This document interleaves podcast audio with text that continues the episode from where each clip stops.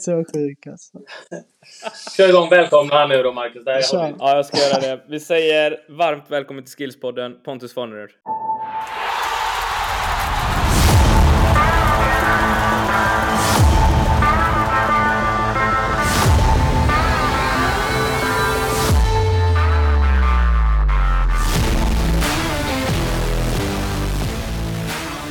Tusen tack. Välkommen Applåd! Pontus. Första applåden i, i, i Skillspodden, Anders. Ja. ja, men det här är ju en, en, en legend. Det måste, vi, det måste vi ändå säga. Verkligen. Kommer från, kommer från en riktig legend. Ja, Det är jättekul att ha dig här Pontus. Ja, men kul att vara här. Jag har eh, ju haft eh, lite kontakt med dig och du har ju pratat gott om hur ni både jobbar med er eh, Skills Academy och eh, även eh, att ni tar, tagit det vidare i, i podden. Så det är ju väldigt intressant.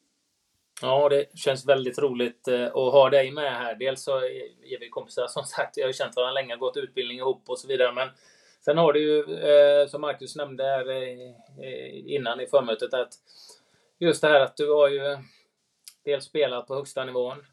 Du har tränarutbildning. Du har varit sportchef och sen har du ju även eh, en son som, ehm, som är väldigt duktig. Så du även förälder liksom till en, en elitsatsande ett elitsatsande barn. Så du har ju många infallsvinklar så det ska bli väldigt intressant att höra vad du, eh, vad du tycker och tänker. Och eh, du har ju varit i olika länder, både eh, dig själv och även Colin, och din son. Så att, det ska bli väldigt intressant detta. Ser fram emot. Och stack utomlands ganska tidigt, va? Ja, det blev ju så. Ehm, och det är väl många som eh, tycker att eh, det är väldigt tidigt när man sticker som 18-åring, vilket jag gjorde. Ehm, skillnaden för min del gentemot många andra var att jag hade spelat A-lagsfotboll i, i nästan tre säsonger totalt sett i Landskrona. Ehm, och eh, kände mig kanske mer redo än, än många andra.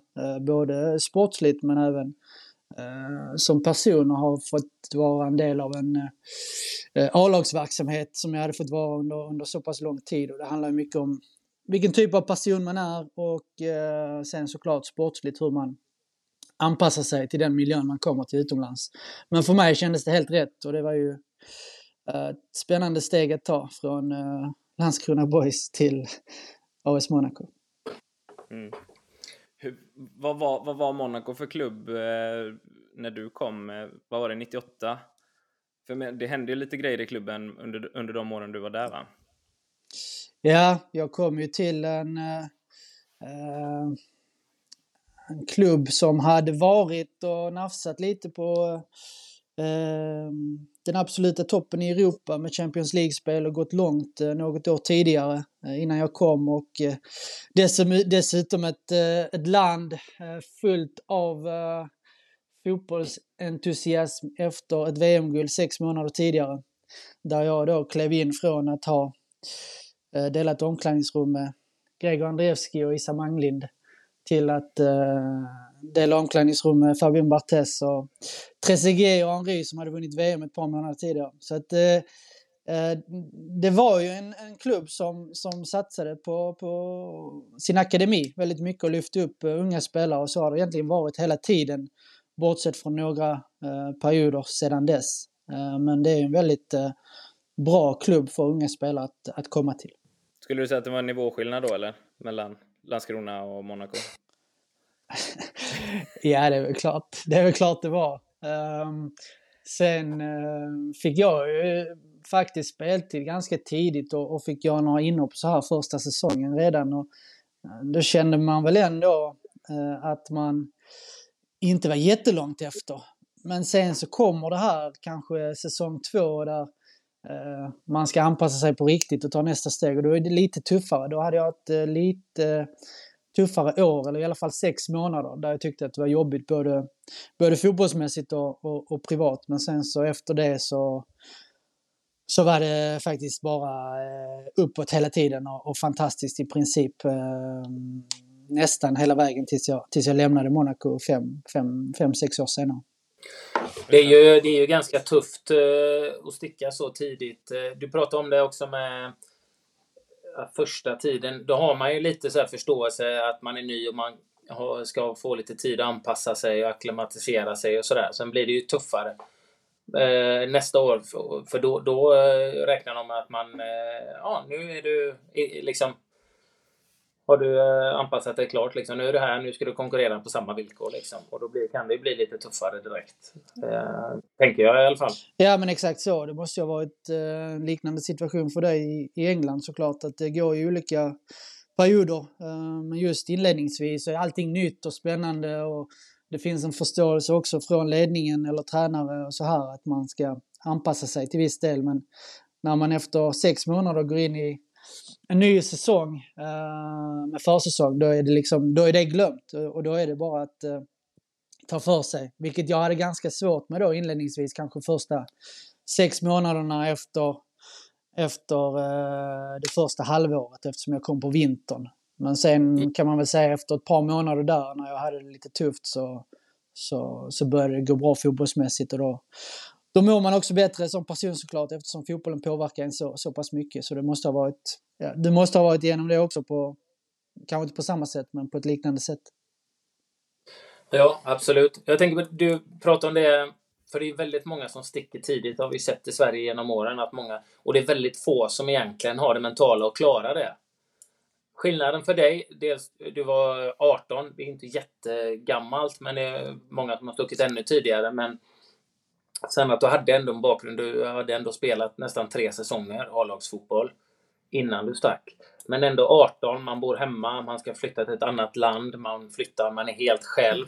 Och det är ju tuffare klimat liksom utomlands där man inte har gratis det här med umgänget som man har i Sverige och så. Och eh, det hanterar ju du på ett ganska bra sätt tänker jag. Men berätta gärna lite om det, för det är ju rätt tufft när man kommer som 18-åring även om du hade känt på seniorfotboll och kände dig liksom mogen så, eh, så ser man ju väldigt många som sticker nu och blir knäckta och sen vänder hem med svansen mellan benen lite grann. Och det är ju ganska tufft. Man måste vara ganska mentalt stark tänker jag när man sticker så tidigt. Mm.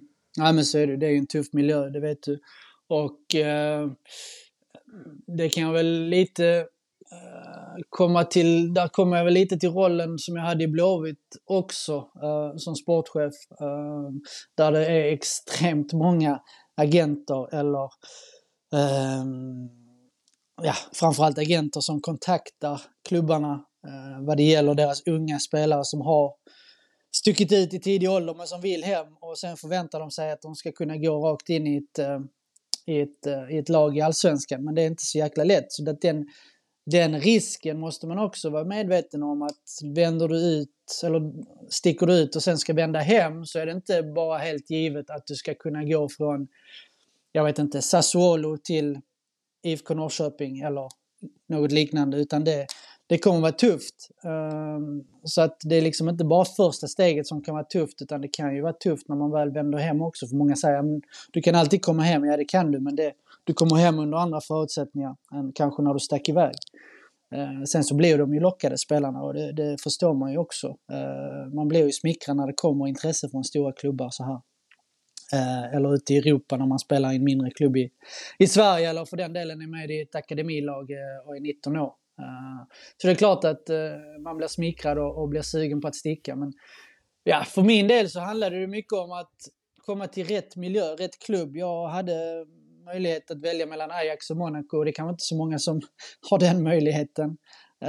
Men jag visste att det var två bra klubbar vad det gäller utbildning av spelare och att ta hand om spelarna på, på, eh, på plan eller i samband med träningar och matcher men också och framförallt kanske utanför plan. Vilket är otroligt viktigt och sen att man har möjlighet att eh, ha familj och vänner. Har man dessutom någon skandinavisk spelare som, som, som är i klubben så underlättar det också såklart, vilket jag också hade. Eh, så att jag kom till en, en, en klubb som, som var duktiga på, trots att jag inte kunde språket, men det kändes ändå som att det var en familjär klubb som tog hand om spelarna på ett bra sätt. Och det, det tror jag är viktigt och det tror jag också är svårare på ett sätt i dagens fotboll där det är större konkurrens. Eh, samtidigt så är klubbarna väl medvetna om att detta är en viktig del så att man arbetar i alla fall med, med det på ett annat sätt än man kanske gjorde för, för 20 år sedan.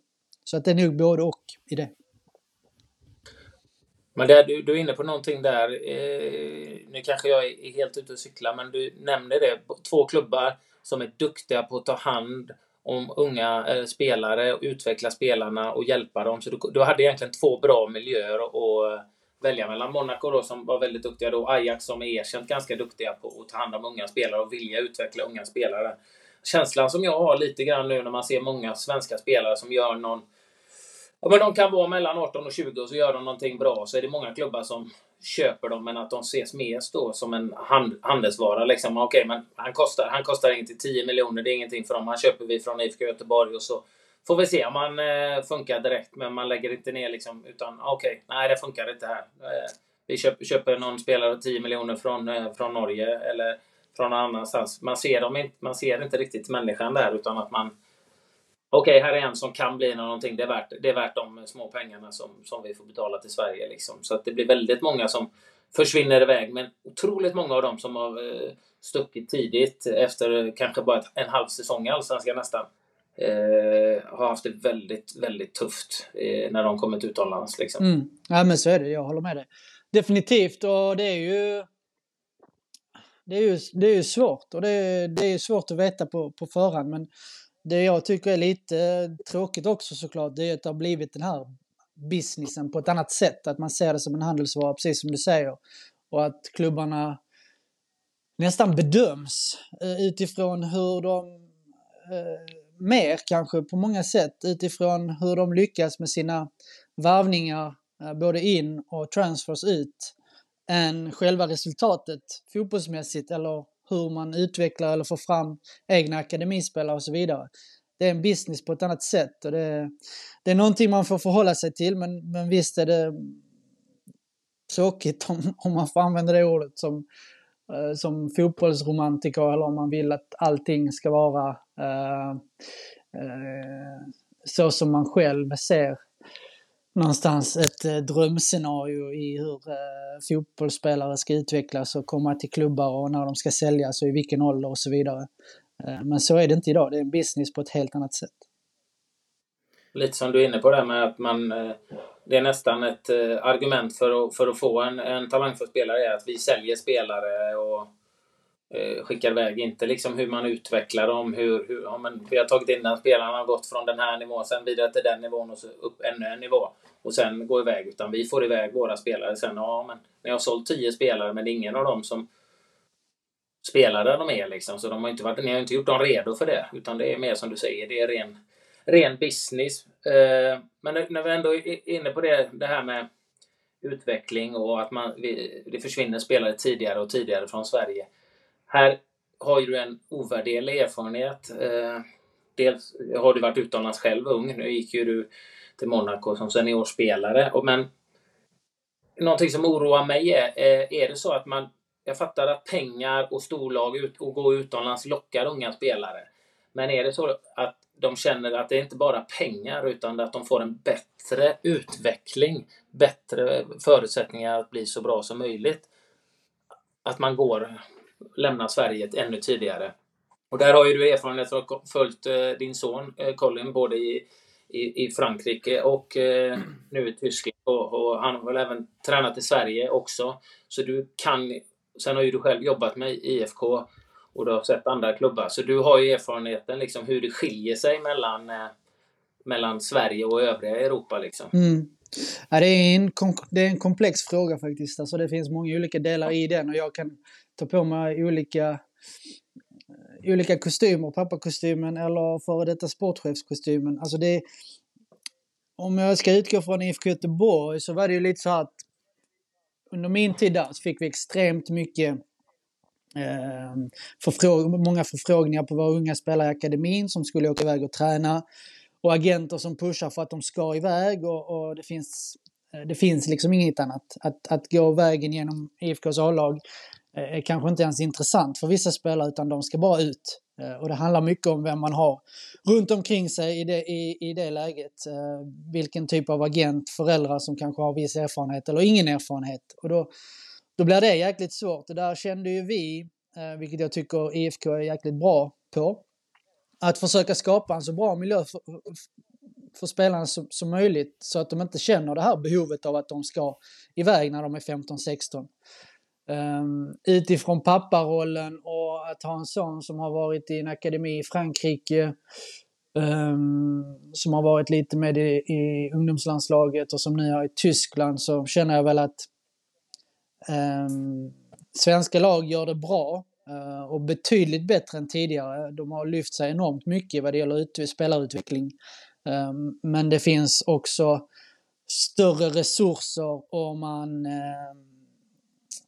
har större möjligheter eh, vad det gäller eh, utveckling av spelare utomlands, eh, kan jag känna. Eh, nu har min son eh, flyttat till Tyskland, spelar i Stuttgart. Förra helgen spelade han mot Bayern och de spelade på Bayerns eh, sån här campus där det är liksom en liten arena och det är, eh, de har ett helt eh, team runt, runt laget med eh, videoanalytiker och fysio och hela den här biten. Så där ligger vi efter i Sverige rent eh, strukturellt, så att säga. Men det behöver inte innebära att vi är sämre på att få fram bra fotbollsspelare, utan det handlar ju bara om att vi ska vi ska bli bättre i Sverige på att utbilda bättre tränare och därmed kunna utbilda ännu bättre spelare. Uh, och sen så går det ju lite hand i hand om man, om man klarar det och lyckas skapa en framgångsrik miljö Ehm, så ges det också större möjligheter till att kanske investera mer i det. Och sen så är det upp till klubbarna hur mycket man vill investera i sin, sin akademi. Jag vet att IFK Göteborg lägger en hel del på sin akademi, andra klubbar lägger betydligt mindre.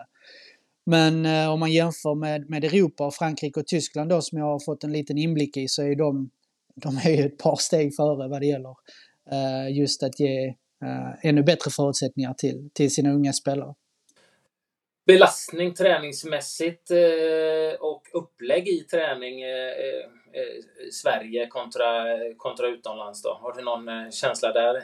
Både när du, när du själv var men även eh, kanske om du tittar på Colin, någon som är ute och, och, och tränar. För det har inte att du har tittat på träning och följt en hel del såklart. Mm, jag vet inte om det är så stor skillnad egentligen utifrån uh, timmar på, på fotbollsplan. Däremot kan jag känna rent generellt att det finns möjlighet att träna ännu mer, att göra lite mer, både individuellt och, och som lag. Ehm, och det kan jag känna också eh, för, för Collins eh, del nu i Stuttgart till exempel. Sen så handlar det om att i den åldern så, så kan det bli eh, konsekvenser om du tränar för mycket på fel sätt och du har en viss skada eller en skadeproblematik Eh, så att säga. Så att det är ju en, det är en svår balansgång i det faktiskt. Eh, min son har haft en hel del problem, muskulära problem och ryggproblem och så här.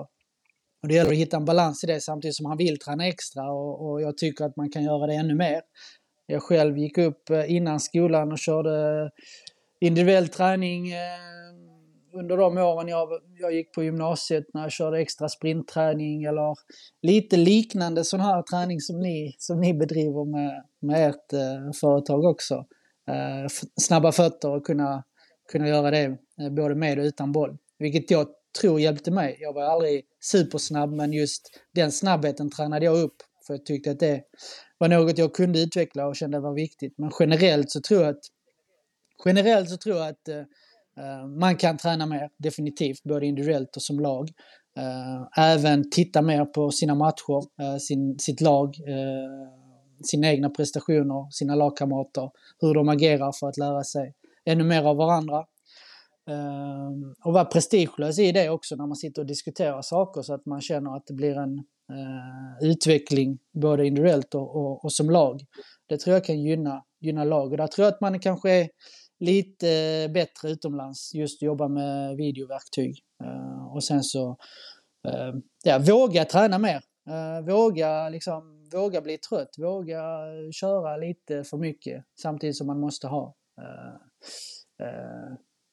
skade, skadesituationen i, i, ta den i, i beaktning såklart. Mm. Vi, vi har ju varit inne tidigare på Anledningen till att vi startade den här podden var ju för att lyfta samtalsämnet om svensk fotboll. Vad vi gör, vad vi kan göra bättre och, och så vidare. Eh, nu är du inne på att, att träningsmängd och de här bitarna kanske inte är superstor skillnad på. då?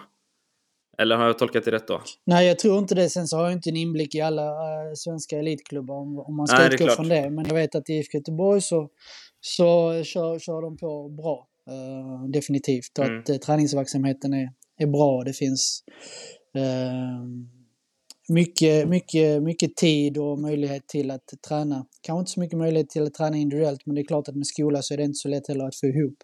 Uh, sen generellt i, i Sverige så, så, vet jag inte, men jag, jag hoppas att klubbarna anser att det, att det är viktigt och, och just att man tränar på rätt sätt också såklart. Du kan ju träna hur mycket som helst, men om du tränar, tränar på fel sätt så är det oväsentligt hur många timmar du är ute på plan. Mm. Nej, precis. Du kan lägga ner mycket timmar som helst om, om du tränar fel. Liksom, det handlar inte om att träna mycket, det handlar om att träna rätt såklart. Och det, det är väl en sak där jag, som du är inne på där lite grann, just eh, det här med eh, individuell träning, eller framförallt se till de olika individers olika behov. Och där är det också en resursfråga lite grann, för som du nämnde innan i eh, erfarenhet av, av din sons eh, lag där och i Tyskland och där de har hela staber som jobbar. Liksom. Det finns det ju tränare, men kommer du in till en trupp här i Sverige och har 25 30 spelare och så har du två, kanske max tre tränare, så är det svårt att bedriva då att jobba individuellt med spelarna. Mm. Liksom.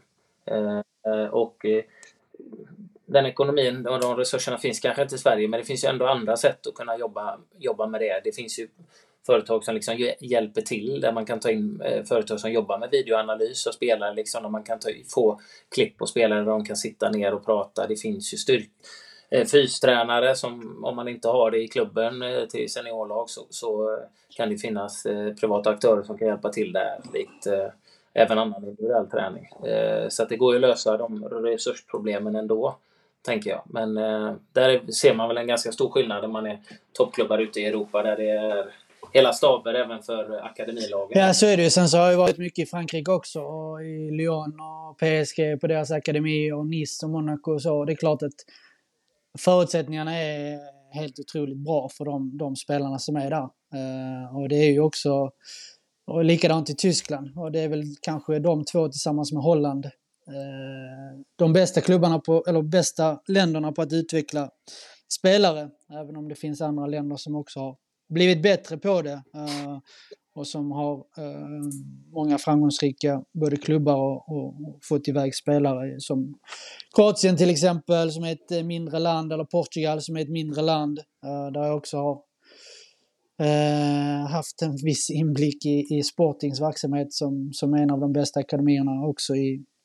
också i Europa. Men Eh, en klubb som verkligen stack ut för mig och som jag har varit och tittat på en hel del är Lyon som är otroligt, otroligt duktiga på att eh, identifiera talanger och eh, utveckla dem på ett väldigt, väldigt bra sätt och våga lyfta upp dem i A-truppen och, och har en tydlig idé om, om hur man arbetar. Eh, extremt imponerad av, av Lyon.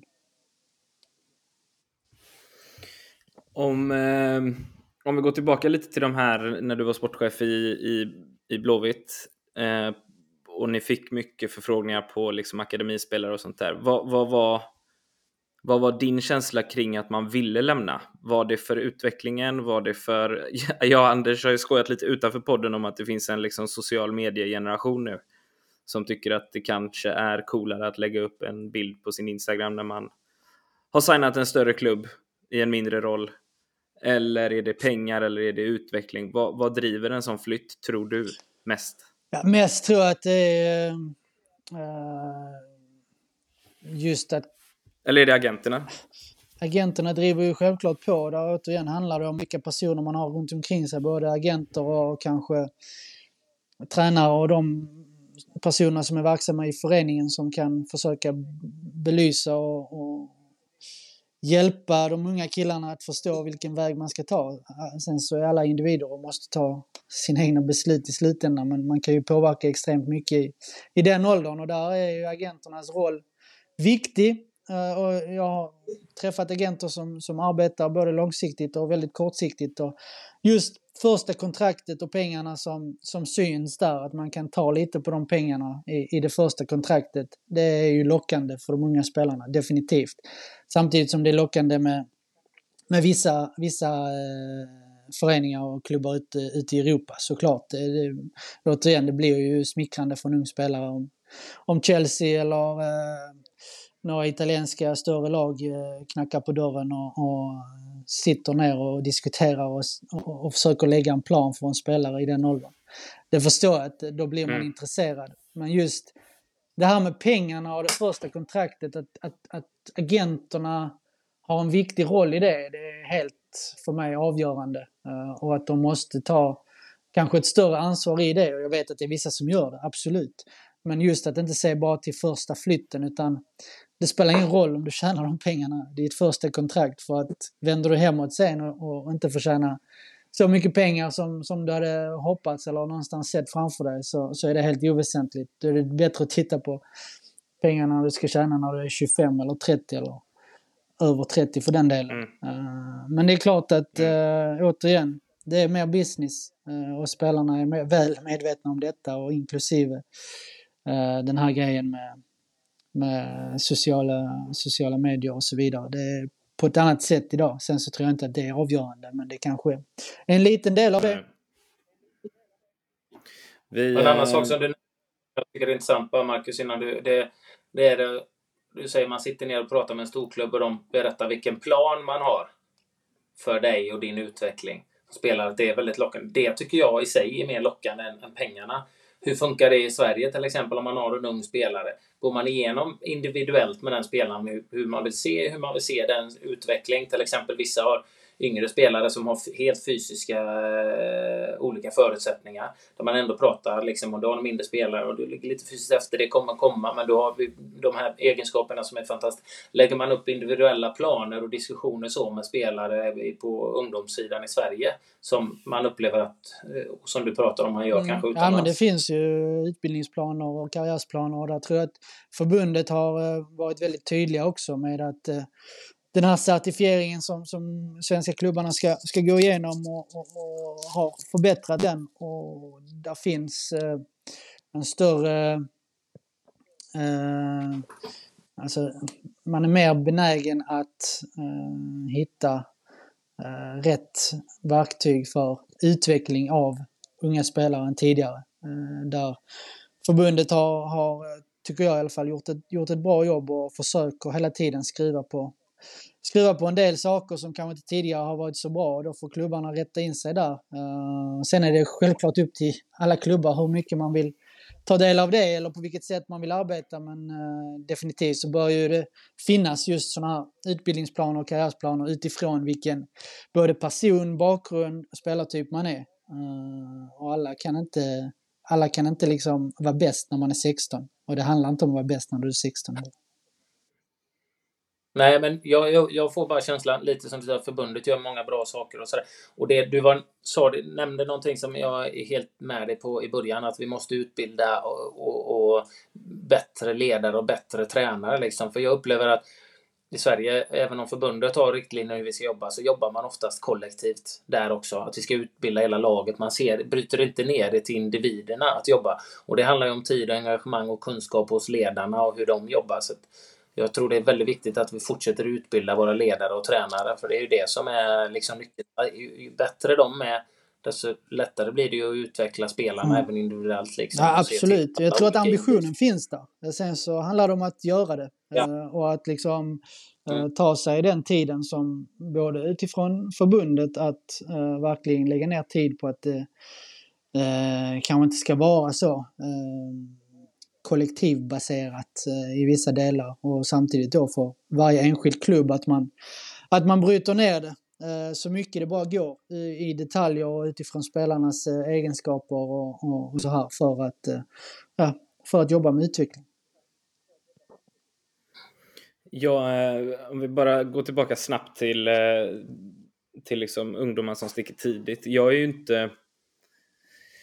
Jag är fullt medveten liksom om att knackar Chelsea, Dortmund, eh, Real Madrid, Barcelona, Bayern München på dörren så kommer ingen antagligen att säga nej till en sån transfer, för det är ju bra för alla parter. Oftast kanske. Men när svenska klubbar börjar tappa spelare till liksom Rosenborg, Sarpsborg, de här, den här typen av klubbarna, borde vi inte kunna mäta oss utbildningsmässigt med dem. Sen förstår jag att det finns liksom de klubbarna kanske är ute efter en viss specifik spelare som, som den här svenska klubben kanske kan tänka sig att släppa. Eh, och sådär. Och det finns tusentals anledningar till att man släpper en sån spelare. Men jag, mår lite, jag börjar må lite dåligt om, vi, om, vi liksom, om våra svenska spelare som vi utvecklar känner att de får det bättre bara andra sidan gränsen. Liksom. För att vi inte kan utbilda dem lika bra som de kan. Det är den transfern som jag är lite, yeah. lite allergisk mot. Ja, alltså jag är väl till viss del allergisk mot många typer av transfer. Men precis som du säger så är det svårt, alltså i den åldern. Men precis som du säger så är det, det är en annan business som Anders säger och det är svårt att stå emot när, när större klubbar knackar på, knackar på dörren eller du sitter verkligen ner med representanter från de klubbarna. Men självklart så borde ju Sverige, det borde, inte, det borde, borde nästan inte vara en fråga att uh, släppa spelare till, uh, till Danmark eller Norge. Utan där måste vi ju kunna vara, kunna vara bättre för att behålla det och jobba mer med den eh, delen då som de spelarna anser att eh, det jobbas bättre med i, i, i Danmark eller Norge. Och där är ju danskarna väldigt, väldigt duktiga och är, är och har varit kanske lite lite längre fram i, i, i det individuella utveckling, den individuella utvecklingen och, och det tänket än, än Sverige har varit. Eh, vilket man också tycker, se, tycker jag kan se på, på eh, spelare och, ute i Europa och kanske framförallt landslagen. Både unga landslag, yngre landslag och eh, A-landslag. Vi eh vi skickade ut på våran eh, Instagram och bad om eh, lite frågor. Vi fick en fråga som jag tänkte att ni båda kanske kunde eh, snacka igenom lite. Ni har ju rätt mycket erfarenhet tillsammans båda två. Eh, vi fick en fråga, den löd så här. Om du har en ung spelare som blir väldigt nervös vid match och inte får ut sitt spel, vad har ni för tips? Nu sitter ni tysta båda två. Har ni aldrig varit nervösa eller? Eh, jo, men jag tror både Pontus och jag är ganska lika där. Vi känner en viss eh, nervositet, men det har också gjort oss mer fokuserade, den här lagen. Jag tror vi hittade lite nervositet lyfter den liksom. Eh, men man har ju mött, jag kommer ihåg en eh, Safari som spelar med landslaget och han hade ändå spelat ganska många landskamper. Jag har aldrig sett någon som var, han var så nervös liksom innan varje match. Mm. Eh, många har ju det. Nu har han haft en fantastisk karriär ändå, men Eh, det, det är svårt, för jag pratar mycket om att man måste liksom passa på att försöka njuta när man går ut och liksom hur många som vill vara i din situation. Men det, det, det hjälper ju inte alltid. Eh, någonting som, när det var de här riktigt tunga matcherna, så kan det vara eh, rätt skönt att komma rätt in i matchen. Att göra någonting bra. Eh, jag vet att eh, eh jag delar väldigt ofta rum med Marcus Albeck i eh, i landslaget. Eh, I alla fall första halva perioden som jag var med där. Och eh, han pratade alltid med sin pappa på matchdagen och hans pappa sa alltid en sak som hälsa Anders det också. Och han sa alltid det. Första passen. Liksom att, att få en bra start, att sätta det här första, kanske vinna eh, någon duell liksom. Ofta så är det det som det kan, kan få en att komma in. Inte de första i alla fall. Kanske lite senare när de andra blir trötta och du känner att du kan trycka till. Men inte inledningsvis. Utan du har aldrig vunnit en match. Nej, det måste vi ta fram bildbevis på att jag har gjort. Ja, det måste Nej, men det, det, det, kan vara, det kan vara ett, ett steg liksom att komma rätt in i matchen om man känner en jävla press. Att man gör någonting enkelt så växer självförtroendet. Men det här är någonting man får, kanske får jobba med också. Jag vet inte om du har någon erfarenhet eh, av det Pontus, men jag har aldrig riktigt haft de nervositet, nervös har man varit. Men liksom, och då kan det vara räcka att bara komma in rätt in i matchen så växer det. Så tar man mer och mer kliv om man känner att man är spänd. Matchen gäller mycket. Man har kanske haft, varit i en dålig form eller någonting sånt där. Men eh, annars såg man ju ofta fram emot matchen och ville göra saker. Så att, eh, jag vet inte, hur, hur, har du någon eh, erfarenhet Pontus av eh, det här med nervositet? Nej, men försöka vända det till att eh, se, precis som du säger, positiva saker i det. Um, och det handlar mycket om att vara väl förberedd. Då har du gjort ditt, eh, så att säga. Både, både vad det gäller träningsveckan och, och eh, kanske utanför plan med, med sömn och kost. Eh, och sen att man känner ett självförtroende och ett förtroende från spelare, från medspelare och tränare och sin familj såklart. Att man ingjuter förtroende i, i den här spelaren så att han känner sig trygg när han kliver ut på plan. Och det är ju tränarens roll, det är föräldrarnas roll och kanske involvera lagkamrater i det också. Så att man eh, hjälper varandra och, och lyfter varandra eh, genom, eh, genom kommentarer och positivt, eh, positivt snack. Men just att våga och, och känna förtroende är ju två viktiga delar i det. Ja, men det är det. Som, som ledare det är det ju liksom, man har man 20 spelare så har du troligtvis 20 olika individer liksom som, som kanske vill ha helt, behöver helt olika eh, kommunikation för att eh, känna sig trygga. Och då får man ju lista ut, okej, okay, vad behöver den här spelaren? Behöver väldigt, väldigt mycket uppmuntrande. Typ med att jag vet vad du kan, känner ingen press liksom. Även om du missar eh, någon passning, två, du push. Jag tror på dig. Det kan vara vad som helst. Och sen, precis som du sa där med glädje också, att uh, tycka det är kul. Uh, det är ju det det handlar om. Uh, jag har en, en, en sak, jag vet inte var jag har hört det faktiskt, men jag tycker att den är jäkligt bra. att Vinnare är den som, som känner glädje när allvaret är som störst. Och liksom våga njuta av, av stunden. Sen så är det klart att det är på olika nivåer. Det kan vara en Champions League-nivå eller en seriematch i P16-serien. Men, men ändå att eh, någonstans eh, jag tycker man ser det. Jag tycker det är ett tydligt exempel på Häcken hela säsongen. Det ser ut som att de hade kul tillsammans. Att de, Eh, mm det fanns en positivitet där om man nu går tillbaka till något så eh, fräscht i minnet som, som Häckens guld. Så, så tycker jag att det fanns en, liksom en optimism och ett lugn och en positivitet och det kändes inte som att de var nervösa. Oavsett vem de mötte eller eh, vilken erfarenhet deras spelare hade sedan tidigare. Um, så att det, det tror jag definitivt uh, är en otroligt viktig del. Absolut. Håller med. Du var också inne på det, att vara så förberedd som möjligt. Det kan ju också vara en, en trygghetskänsla när man går in till en match. Har jag, gjort det, har jag gjort saker rätt i veckan? Har jag typ ätit rätt? Har jag sovit rätt? Liksom? Jag har gjort alla förberedelser rätt. Det kan ju också sätta sig då mentalt att jag, jag är så förberedd som jag kan vara till den här matchen. Då känner man ju en trygghet i det. Då kan det ta bort en viss del av nervositeten. Liksom. Och sen kan det vara så här också, om man går till föräldrarna så kanske undvik att prata om det så mycket då. Uh, I vissa delar. Alltså låt pojken få vara lite nervös men avdramatisera det istället för att säga att det är en så viktig match eller att eh, nu måste du vara bra eller hoppa. Alltså ta ett steg tillbaka kanske. Kan vara smart. Um, lösning ibland utifrån en förälders perspektiv. Pojken eller tjejen, det kan ju ha varit en tjej också, men det, till spelaren liksom. Mm. Att inte prata om det. Leder oss in lite på, på, eh, vi tar två frågor av de som vi fick, men, men vi fick en till fråga. Eh, och det var, det är ju det är lite provspelartider just nu. Eh, många ungdomslirare som, som eh, testar lyckan någon annanstans eller är på väg till någon akademi eller vad, vad som helst vad, vad ska man tänka på som spelare när man provspelar och gör sina liksom, provträningar och, och träningsmatcher och, och de här sakerna? Det är en tuff tid för vissa. Det är jobbigt. Ja, absolut. Det kan jag tänka mig. Det är säkert mycket nervositet i det också. Ehm, men det behöver inte vara avgörande just vad som händer där och då eh, för resten av karriären. Eh, utan fortsätta vara förberedd och jobba, jobba för sin egen eh, utveckling hela tiden. Det tror jag är viktigt så att man inte, man får inte liksom tro att det är över eller att det är på liv och död just den här provträningen eller att komma in i just den här föreningen. utan det tror jag är en viktig del och sen att göra det du är bra på. Du är säkert där för en av en anledning Eh, och det är för att du har eh, kvaliteter som, som, de har, som de uppskattar och har sett i ett eller annat sammanhang.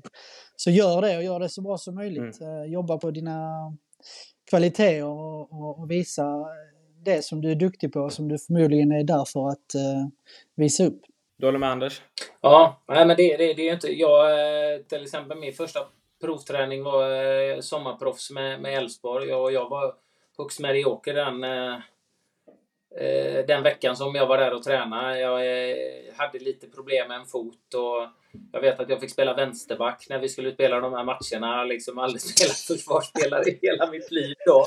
Så då var det enda gången du spelade vänsterback?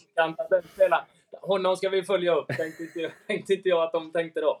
Men det var inte så att jag grävde ner mig för det liksom. Och det, ett halvår senare så åker jag tillbaka och spelar någon match med dem igen liksom. Och hade väl egentligen inga förhoppningar. Då ville jag ju till IFK Göteborg så jag brydde mig inte så mycket om hur det gick eh, en träningsmatch med Elfsborg. Lyckades med i stort sett allting då som innermittfältare och eh, sen är plötsligt låg de på. sig. jag menar det, det, det är inte liksom på liv och död en, en, en provspelning. Men eh, det är en sak och det, det kan vara nyttigt att prova på det. Det är lite som jag när jag, när jag eh, lämnade och blev proffs. Jag fick en förfrågan när jag var 19 eh, och tror 19-20 och flyttade till Tyskland, spelade i Bundesliga. Men jag tackade nej, men jag åkte ändå ner och tränade två veckor med klubben bara för att skaffa mig lite erfarenhet hur miljön är där. Och eh, det, det, var nyttigt. Så även om man är på en provträning eh, eller eh, testspel eller någonting så, eh, så kan du få väldigt mycket erfarenhet och nytta av det även om det inte går som du hoppats och tänkt dig. Och det innebär inte att eh,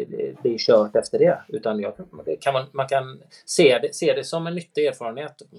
Ja, det är just liksom. det lite jag, jag eh, mm. ville komma fram till tidigare. Att det kan vara fine att släppa iväg unga spelare när man får många förfrågningar och en elitklubb i Sverige.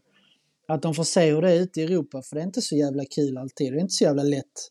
Och sen så ska du tänka in att du ska vara där själv. Um, och du har inte dina lagkamrater som du har i Sverige. och Vi vet hur viktigt det är och, och sammanhållning i, i, svenska klubbar som oftast är fantastisk. Um, den kommer du inte få. Alltså åk ner och titta, känn på det. Uh, men förmodligen eller förhoppningsvis så kanske man känner att jag vet du vad, det är kanske bättre att uh, vara här i min miljö för uh, träningsmässigt är det minst lika bra och dessutom så har jag den sociala tryggheten och, och inte behöver stressa iväg för att du tjänar tio gånger mer där, uh, ditt, första, ditt första kontrakt. Utan ha lite is i magen och sen ehm, Ja, vad var det du sa där Anders? Ja, det var någonting jag skulle fylla på med. Men nej, vi kör. Det... Jag tror Anders har glömt vad han själv sa. Nej, men om, det ser ut så. Nej, men ha tålamod och liksom, det, det är inte över liksom, även om det inte går bra. Och det kan vara som Pontus är inne på, här, skaffa sig en erfarenhet. Behöver inte eh, skriva på åk, åka på en provträning utomlands. Det kan vara jättenyttigt. får man se hur det funkar utomlands. Man samlar på sig en erfarenhet. Och nästa gång du gör något liknande kanske igen eller när du väl är framme vid att kanske ta ett beslut och tacka ja till, till, eh, till en större klubb eller eh, en ny klubb så har du samlat på dig lite erfarenhet och, och kunskap hur det funkar. Eh, så att jag säger det mm. kan vara jättenyttigt att åka, åka och träna men man behöver inte hoppa på första bästa som Pontus säger bara för att det är, lockande pengar och ett lockande namn med storklubb. Men man kan åka dit och skaffa en relation och få se hur och bli en erfarenhet rikare. Ja, och sen så är det så här, många av de här klubbarna så är det ju en extrem konkurrens och de tar in spelare från höger och vänster. Och de har sina egna spelare som kommer upp från yngre lag. Och sen när du är 18 så kommer kanske ytterligare spelare från andra världsdelar som inte har kunnat komma tidigare. Så att det är hela den här processen som jag tror att få spelare är medvetna om innan man skriver på ett kontrakt eller innan man är på plats eller när man sitter ner och diskuterar med de här klubbarna och man bara hör det som är lockande. Och det är ju så, kommer du, kommer du utifrån så bör, behöver du ju också prestera klart bättre än de som, som, eh, som kan komma underifrån egna leden i den klubben också. Liksom. Det är en ganska tuff miljö som man behöver vara medveten om. Det, det är tufft. Mm. Mm. Ja, bra. Eh, bra tips eh, boys. Jättebra jobbat tycker jag. Framförallt du Pontus. Du, eh, vill du fortsätta med din stående fråga? Det känns som att den eh, kommer landa ganska väl hos Pontus i och för sig. Det känns ju som en övning som ni är eh, mådde ganska bra i båda två. Ja. jag, inte, du, jag tror att du vet svaret på frågan innan du har ställt ja, den. Jag känner ju Pontus ganska väl. Det är en, en av de mest talangfulla spelare jag har spelat med. Och i den här övningen så skulle jag ju bli om jag får ett svar som eh, jag inte gillar så kommer jag ju att lägga ner eh, hela min verksamhet. Förresten, jag såg ju, jag såg ju förresten Anders en intervju du gjorde för ett tag sedan när du, du sa något fint om mig. Um, lite utifrån konkurrensen som var i landslaget och så här. Att jag kanske inte hade så många, så många matcher som jag kanske skulle haft och så vidare. Um, I jämförelse med hur hur det ser ut idag, eller konkurrensen kanske som finns i, i, i dagens landslag eh, mot när vi var i landslaget och du hade en fast tröja och många andra som spelade i fina, fina klubbar och, och bra spelare. Eh, fick betydligt mer speltid än vad jag fick. Så det tackar jag för. Ja, nej men det, det, det är ju lite... Det, Vad sa du? Det, nej, men det är ju lite så det är Pontus. Så du kom ju in, för du var ju lite yngre då också. Och då hade ju tufft för oss att komma in, eh, även för mig. Eh, och, och, komma in. Dels var jag en spelartyp som kanske Lagerbäck och, och, och de inte förespråkar. Jag var inte den typiskt svenska spelaren. Eh, den här lagspelaren. Tobias Linderoth kom in snabbare, hade ju mer av de kvaliteterna än vad jag hade. Sen eh, lyckades jag knacka mig in också och sen kom Kim Källström in och, och så låg du där också. Och du var ju också, påminner ju ännu mer. Du var ju mycket mer spansk och sydeuropeisk än, eh, än någon av oss. Jag var väl den kanske av dem som var mest lik dig, även om jag inte var så extremt eh, tekniskt begåvad. Så, så det var ju ganska tufft och sen hade vi kommit in och du, du hade alltså tre spelare där som eh, ganska Ja, och Daniel var ju och, kapten i Serie A och var med också en hel del och, och Anders ja, Andersson, Andersson var i Benfica och så, så det var ju det var ju... Det var ju tuff, tuff konkurrens på den positionen och dessutom då egentligen så, så tror jag eh, den spelaren som jag var innan jag flyttade till England och den spelaren som du egentligen alltid har varit, det är väl kanske inte en spelare som Lasse Lagerbäck eh, som var eh, större, eh, stor del huvudansvarig. Eh, eh, det var kanske inte hans idealspelare som innermittfältare. Han ville väl gärna, gärna ha mer fysiska spelare som kunde vinna mer boll, även om det bröts allt mer längre fram. Så att man kan väl säga att med den talangen och den kapaciteten du hade så borde du kanske spelat ännu mer. Men det var en tuff, tuff tid generationsmässigt. Tittar man nu så skulle man önska att du, eh, att du eh, fanns att tillgå i landslaget. Så just nu tycker jag det finns ingen av eh, som kan göra det du, ja. Ja. du kunde göra. Ja, ödmjukt sagt Anders. Tack. Nej, men det var, det, det var ju en tuff konkurrens under våran tid där. Jag lyckades slå mig in och då, då var det... Är det svag konkurrens nu? På innermittfältet? Jag tycker, jag tycker eh, att eh, det saknas eh, lite av den här typen som vi, de senaste vi hade, Kim Källström och Rasmus Elmix. Vi ser lite tunna. Kristoffer Olsson har ibland blixtrat till sådär, men jag... Eh, Svanberg? Svanberg gillar jag jättemycket. Jag hoppas och tror att han kan komma. Jag vet inte. Man eh, går ju väldigt bra liksom i sitt klubblag, men eh, och har gjort. Eh, men det är en annan, spelar på ett annat sätt än, än, än, än Sverige har gjort också. Det är möjligt att vi måste i landslaget kanske se till hur de flesta spelarna spelar och kanske ändra vårt sätt att spela lite grann. Eh, det här 4-4-2 liksom med, med två centrala som ofta blir numerärt underläge. Liksom. De, de, ja, men ja, nu, nu diskuterar vi också det, två, tre spelare och just i, i, ett par minuter tidigare så var vi nästan uppe på 7-8. Eh, så att det är lite det som är skillnaden mm. kan, jag, kan jag känna. Exakt. Ja, då, just det, innermittfältarna mm. de där. Jag tycker eh, sen att det, det är sen eh, egentligen Rasmus och Kim, Kim slutade ansluta så tycker jag inte det har funnits riktigt någon av den typen. Sen är det duktiga mittfältare, det, det, finns ju duktiga spelare men de som kan kontrollera matchtempot och liksom styra tempot i matchen och bollinnehav. Det, det, det, Eh, jag tycker det har kommit fram många bra spelare, men eh, just på innermittfältet eh, jag tycker jag konkurrensen är lite låg, även om det finns några bra spelare. Men det kan ju säga samma i mittbackar som har Sveriges signum. De, alla, i alla tider egentligen. Där är det också liksom lite tunt. Det är väl egentligen bara Victor Nilsson Lindelöf som, som håller den absolut högsta nivån. Liksom. Så att, och där har det ju det kanske har med generationerna att göra där. Det kanske inte är så roligt att, att, att vara mittback eller vara en innermittfältare längre. Det finns andra saker som lockar mer. Jag vet inte. Det går väl i perioder det där. Mm. Men ska vi gå in på min fråga? När vi, ändå... vi tar den också. Vi har ju... Ja, gör det. Och gör det. Det är ju eh, fråga om rondo, kvadrat, alternativt rektangel om man vill göra den större, 6 mot 3, 7 mot 3 eller sådär. Eh, är det en övning du är för eller emot? Jag är självklart för eh, rondo, både för att det är en eh, rolig eh, övning för spelarna, men också för att den kan vara väldigt utvecklande om man gör det på bra sätt. Dock, ska jag säga, att eh, det är viktigt. det är viktigt. Ibland så kan man göra den, tycker jag, bara för att eh, ha lite skoj och känna lite glädje och, och lira lite. Men eh, jag tror att det är viktigt i ett utvecklingssyfte att ha konkreta eh, principer i ronden. Eh, där du ska ehm, arbeta på ett visst sätt, både offensivt och defensivt. För att det handlar mycket om att Ja, men titta på de som försvarar i, i en rondo då. De blir ju väldigt mycket bolltittare. Titta på Barcelonas backlinje till exempel. Ehm, som ibland blir extremt mycket bolltittare för att jaga boll. Men det är ju inte så du ska agera försvarsmässigt i rondo. Jag är helt säker på att Barca kör rondo 25 procent av deras träningstid. Um, I alla fall. Men du jagar ju bollen hela tiden istället för att du ska pass, du passar, om du försvarar till exempel, du, du passar bollen. Eller anfallaren passar bollen och försvararen ska egentligen bara flytta och ligga rätt i positioner men där blir det att du går bort dig nästan hela tiden.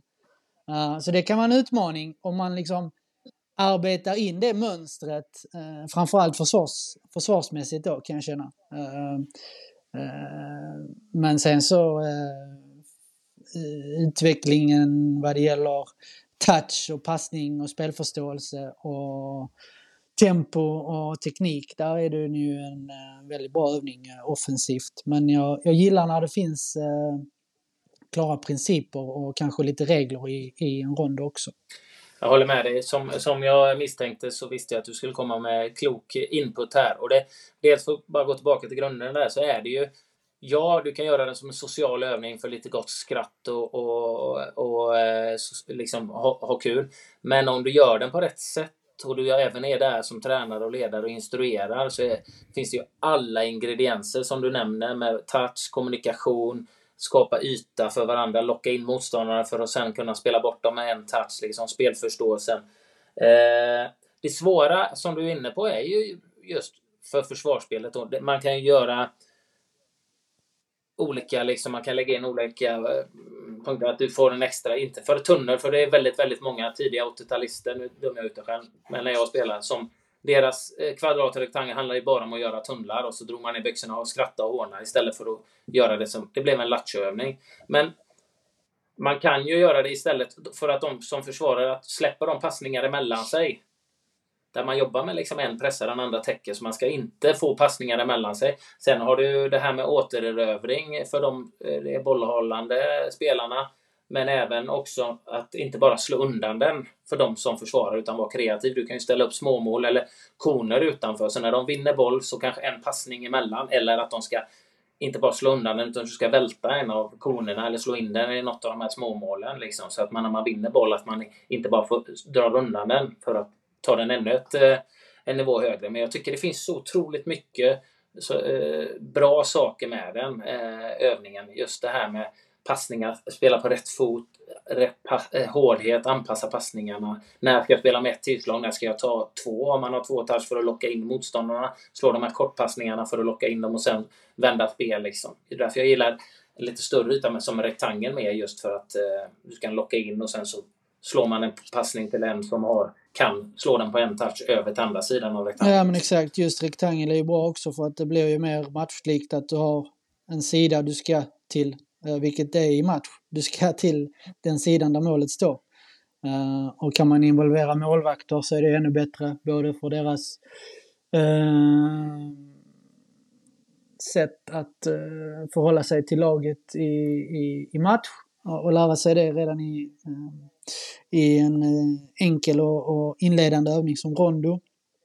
Eh, att involvera dem och sen så då kan du ha olika touch på olika delar av plan och du kan ha en, en joker eh, vilket gör att ett lag får ett visst övertag och så vidare. Så det finns ju extremt mycket eh, möjligheter och där var eh, Poja och eh, inte minst Ferran Sibia eh, väldigt, väldigt duktiga på att eh, ehm, utveckla spelarnas spelförståelse utifrån olika principer och regler i en rondo som de eh, twistade på många olika sätt och fick en eh, större förståelse från många, många spelare i just att när du ska slå en passning, vilken fart passningen ska ha, var den ska sitta eh, och hur du ska röra dig utan boll och så vidare. Så det, man kan göra väldigt mycket med, med en rondo. Eh, men att begränsa det bara till fyra mot två och fem mot två och utan, utan att ha en klar, klar idé eller gå in med lite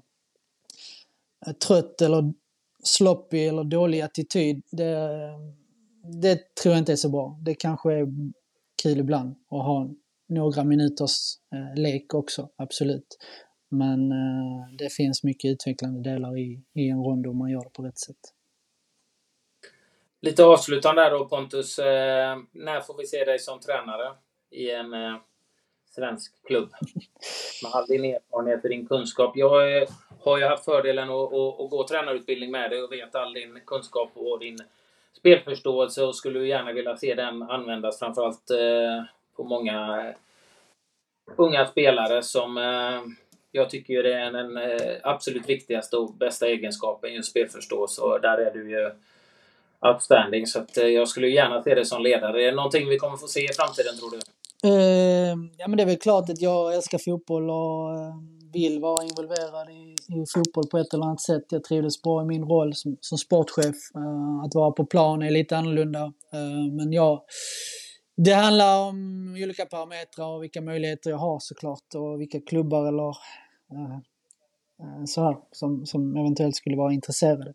Så att jag vet inte, jag kan inte svara på det. Däremot så är jag eh, intresserad av att arbeta med fotboll på ett eller annat sätt, absolut. Eh, själv då?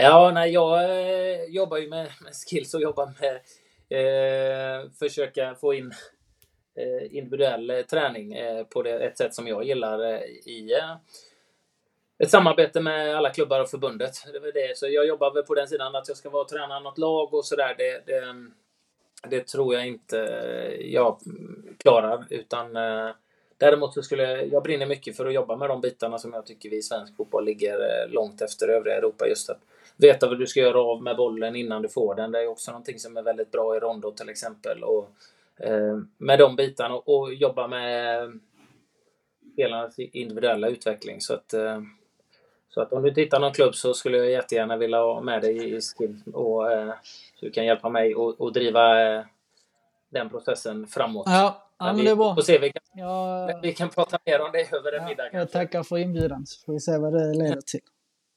Ja. 15 november kanske är något? Om du är i Stockholm då Pontus? Du kanske inte är i Stockholm så jätteofta?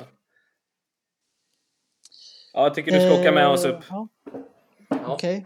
Ja, ja, ni får förklara ja. mer vad ja. det innebär. Ja, mycket bra. Anders löser det. Och om han inte kan förklara Pontus så kan du messa mig så kan jag förklara vad vi ska göra. Låter bra. Ja. Nej, nu ska vi runda av grabbar. Nu är, nu är tiden lite slut. Men ja. eh, stort tack för att du var med Pontus. Grymt bra snack. Tack själv. Yes, tack själv. Ja. Intressant. Ni har eh, huvudet på skaft bägge två. Även han Let's Dance, äh, Anders. Känd från Let's Dance. Från Mullvaden. Ja. ja, men det är bra snack. Det är bra att ni tar upp eh, frågorna och ja. belyser vissa delar och kanske får en hel del funderingar som sprids i landet. Det är framförallt intressant att höra olika eh, människors eh, tankar och åsikter som, som är mer involverade kanske i, i klubblagsfotbollen eh, än, än vad vi är. Vi har ju vissa tankar och idéer, men det är inte så att vi sitter på facit. Utan det är väldigt intressant att höra dina reflektioner och dina tankar kring det, eh, likväl eh, andra också. Så att, eh, tack så jättemycket för att du tog dig tid att köta med oss lite. Tack själv killar. Bra tack. jobbat. Vi hörs.